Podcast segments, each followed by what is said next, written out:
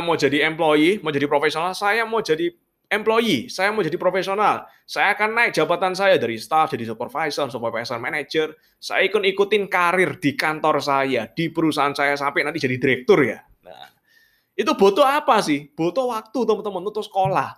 Sekolah teman-teman SD, SMP, SMA sampai S1 itu kan butuh waktu teman-teman. S1 aja 4 tahun ya, apalagi teman-teman mau jadi direktur kan paling enggak S2 ya, ada S2-nya juga ya itu tambah dua tahun lagi enam tahun. Belum SMA-nya tiga tahun sembilan tahun. Belum lagi SMP tiga tahun dua berarti 12 tahun. Tambah SD 6 tahun 18 tahun ya. Saya nggak ikut hitung TK teman-teman ya. Jadi kira-kira 20 tahun. Kita 20 tahun ya ngeluarin every month ya. Tiap bulan kita ngeluarin yang namanya uang sekolah uang kuliah. Supaya kita nanti 20 tahun kemudian kita bisa jadi pegawai yang baik, employee yang baik, profesional yang baik. Ternyata ini juga ada kelirunya teman-teman ya. Coba bayangin 20 tahun teman-teman ya. 20 tahun ngikutin.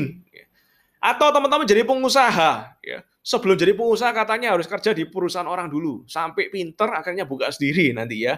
Kerja di perusahaan orang bisa sampai 3-4 tahun. Terus pindah di perusahaan lain lagi.